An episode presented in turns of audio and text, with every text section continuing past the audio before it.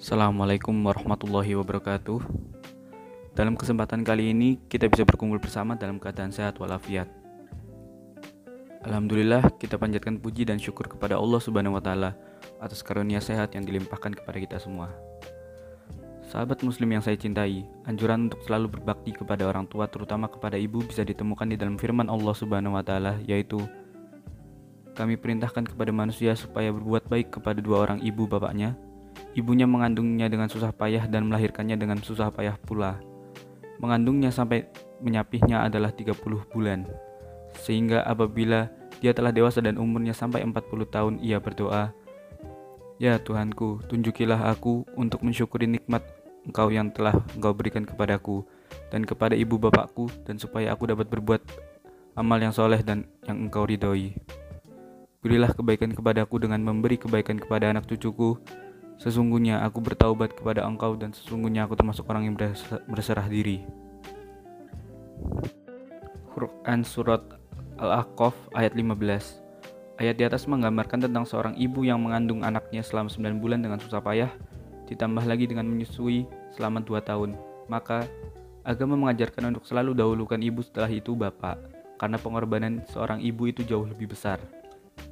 Nabi Muhammad SAW pun sering mengajarkan umatnya untuk selalu berbakti kepada orang tua terutama ibu. Nabi Muhammad SAW juga menyebutkan bahwa ibu adalah seorang wanita yang hatinya sangat mulia dan harus kita bahagiakan. Sahabat muslim tentu tahu cerita tentang maling kudang yang melawan atau durhaka kepada ibunya, kemudian dikutuk menjadi batu. Namun di zaman yang sekarang, banyak anak yang durhaka karena sering bohong, berucap kasar, memerintah, atau menyuruh-nyuruh ibunya sampai berlaku kasar kepada orang tua. Padahal, seorang ibu akan mengandung dan melahirkan dan menyusui anaknya dengan rasa ikhlas walaupun itu berat. Sampai kita dewasa, kasih sayang ibu tidak akan pernah hilang. Itulah sebabnya kita harus menyayangi ibu lebih dari rasa sayang kita kepada orang yang lainnya. Rasulullah Shallallahu Alaihi Wasallam juga bersabda tentang seorang ibu yang musyrik. Ya, tetaplah kamu menyambung silaturahmi dengan ibumu. Hadis riwayat mutafakun alaih. Jelas sudah bahwa kasih sayang seorang ibu itu tidak terhingga dan tidak mengharapkan imbalan atau pamrih.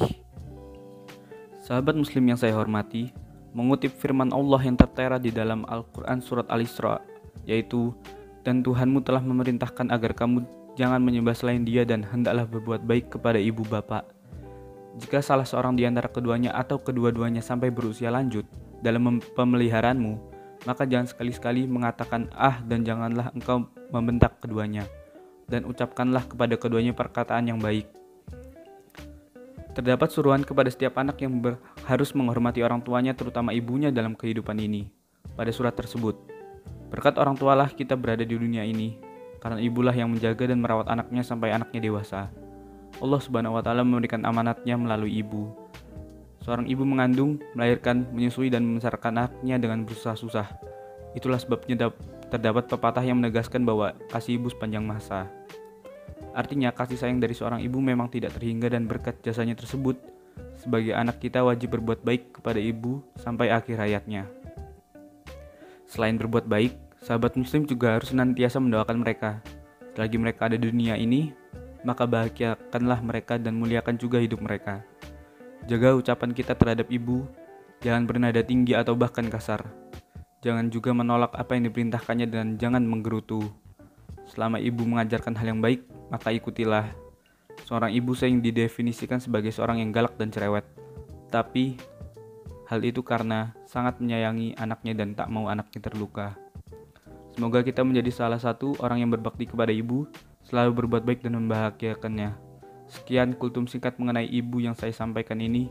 Semoga apa yang kita bahas hari ini menjadi berkah bagi kita semua.